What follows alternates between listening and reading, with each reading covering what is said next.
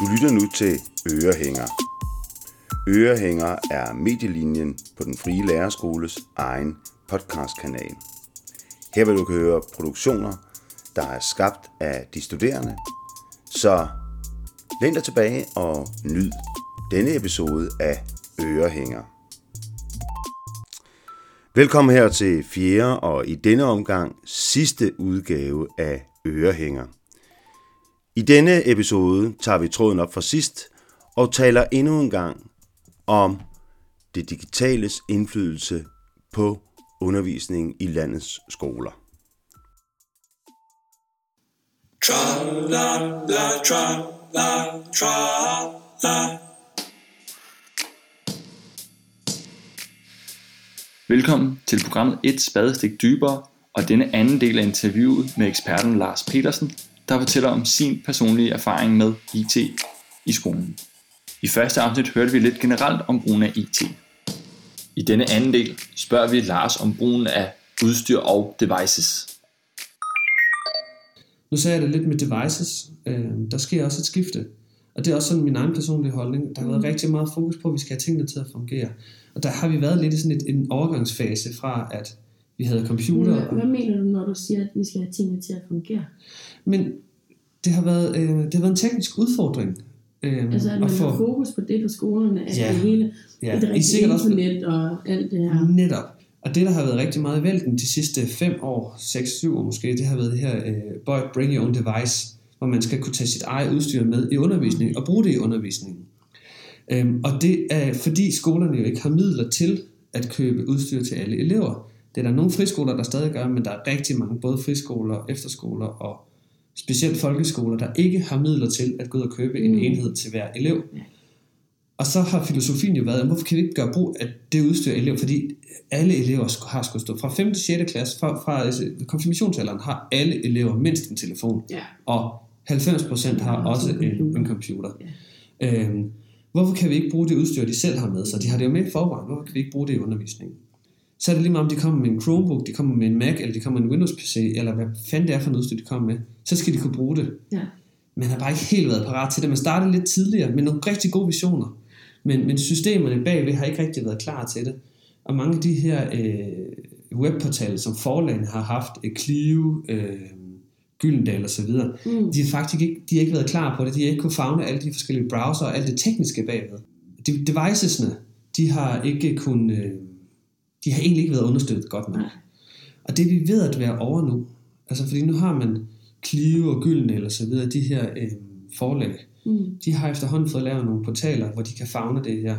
Og man har efterhånden også fået sat print op på de fleste skoler, så du kan printe for alle devices. Mm. Og så ved jeg godt, der har været rigtig meget snak om det papirløse samfund osv. Det er en længere diskussion, vi kan bruge et helt program på i sig selv. Øhm, hvor interessant det er. Papir kan noget, og i, i praksis der er det i hvert fald ikke virkelighed, at vi er ude udenom papiret endnu. Det kommer, og man, der er nogle skoler, der arbejder rigtig meget på det. Mm. Øh, men så i forhold til, øh, til lærerne, altså at, til, at de skal være parate på det, for det har været det, altså, Det er jo det, det største det problem, næste, og måske i virkeligheden det allerstørste problem, fordi både på det almene lærerseminar og her, øh, hvor man kan sige, det er her, vi ligesom skal prøve at, øh, at være parat på det her, Mhm. der får man det lidt ind under huden, hvis man vælger medie- mediefag. Men det er stadig så få lærere, nyuddannede lærere, der faktisk kender rigtig godt til de her portaler og til, hvordan man navigerer i det. Fordi det, der er den store udfordring, det er jo ikke at kunne finde ud af, hvordan øh, øh, GeoGebra virker, øh, men det er at finde ud af, finde ud af hvilken, hvordan vælger jeg den bedste portal. Ja. Fordi det er jo typisk det, man som, som faglærer ude i skolerne skal, øh, skal, skal stå og navigere i. Mm. Der er også- 3-4-5 forskellige konkurrenter, og Ja. hvordan pokker vælger jeg den, der er mest fordelagtigt. Og så mange gange, så har der været, så har øh, Clio Online, så har de lige været ude med deres store salgsapparat, og ude på skolen, for de har nogle rigtig dygtige, der lige tager ud, siger, prøv lige at se det smarte, vi kan. Og så er man sådan helt baffled. Wow. Ah! fuldstændig kan det, det, er det, vi skal have. Men har måske i virkeligheden ikke undersøgt alternativerne. Og så vælger man det sådan lidt i blinde. Det sker rigtig mange steder. Ja. Øhm, så der er jo virkelig også et opdrag i, og det er, jo, det er jo virkelig det, jeg synes, der er sindssygt interessant, hvordan vi får vores lærere klædt på til det her. Og det er stadig en stor udfordring. Og det næste er jo også, altså lærerne, nu kommer eleverne med en, en Mac, de kommer med en Chromebook, de kommer med en Android device.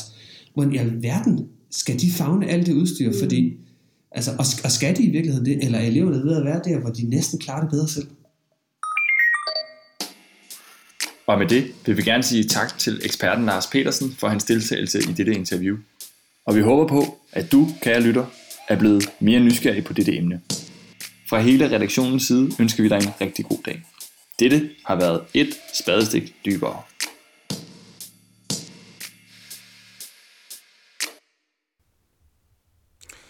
Så tager vi endnu en gang med Tejtur og Nikolaj på skolebesøg. Hej og velkommen til denne uges afsnit af Sandheden skal man høre fra børn og fulde folk. Dette afsnit vil vi kigge nærmere ind på sandheden omkring medier i skolerne. Vi har derfor snakket med seks børn fra Aalborg Friskole, der sammen jagter sandheden.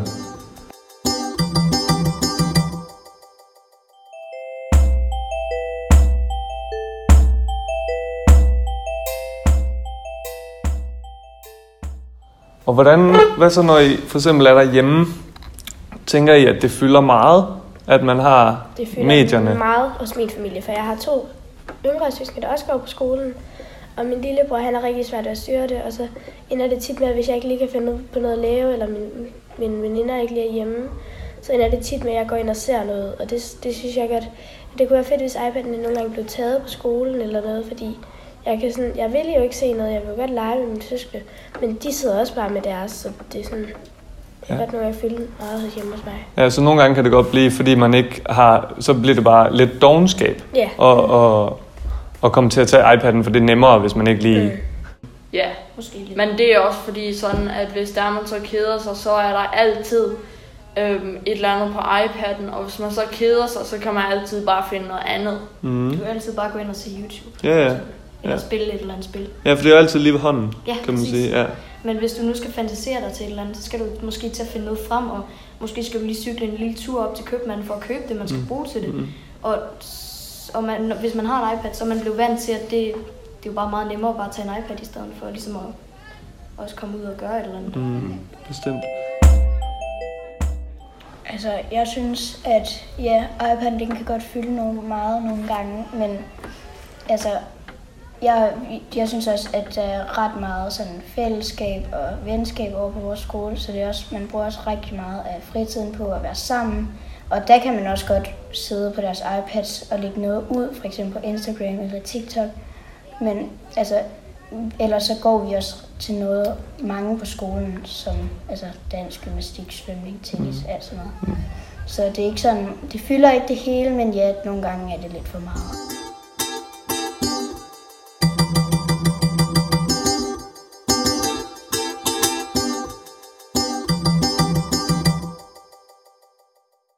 Vi er nu nået til vejs ende i denne udgave af Ørehænger. Alt hvad du hørte er blevet tilrettelagt og skabt af studerende på medielinjen på den frie lærerskole 2018.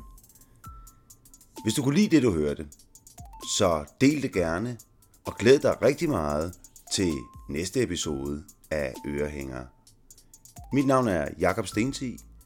Jeg ønsker jer alle en fortsat herlig dag.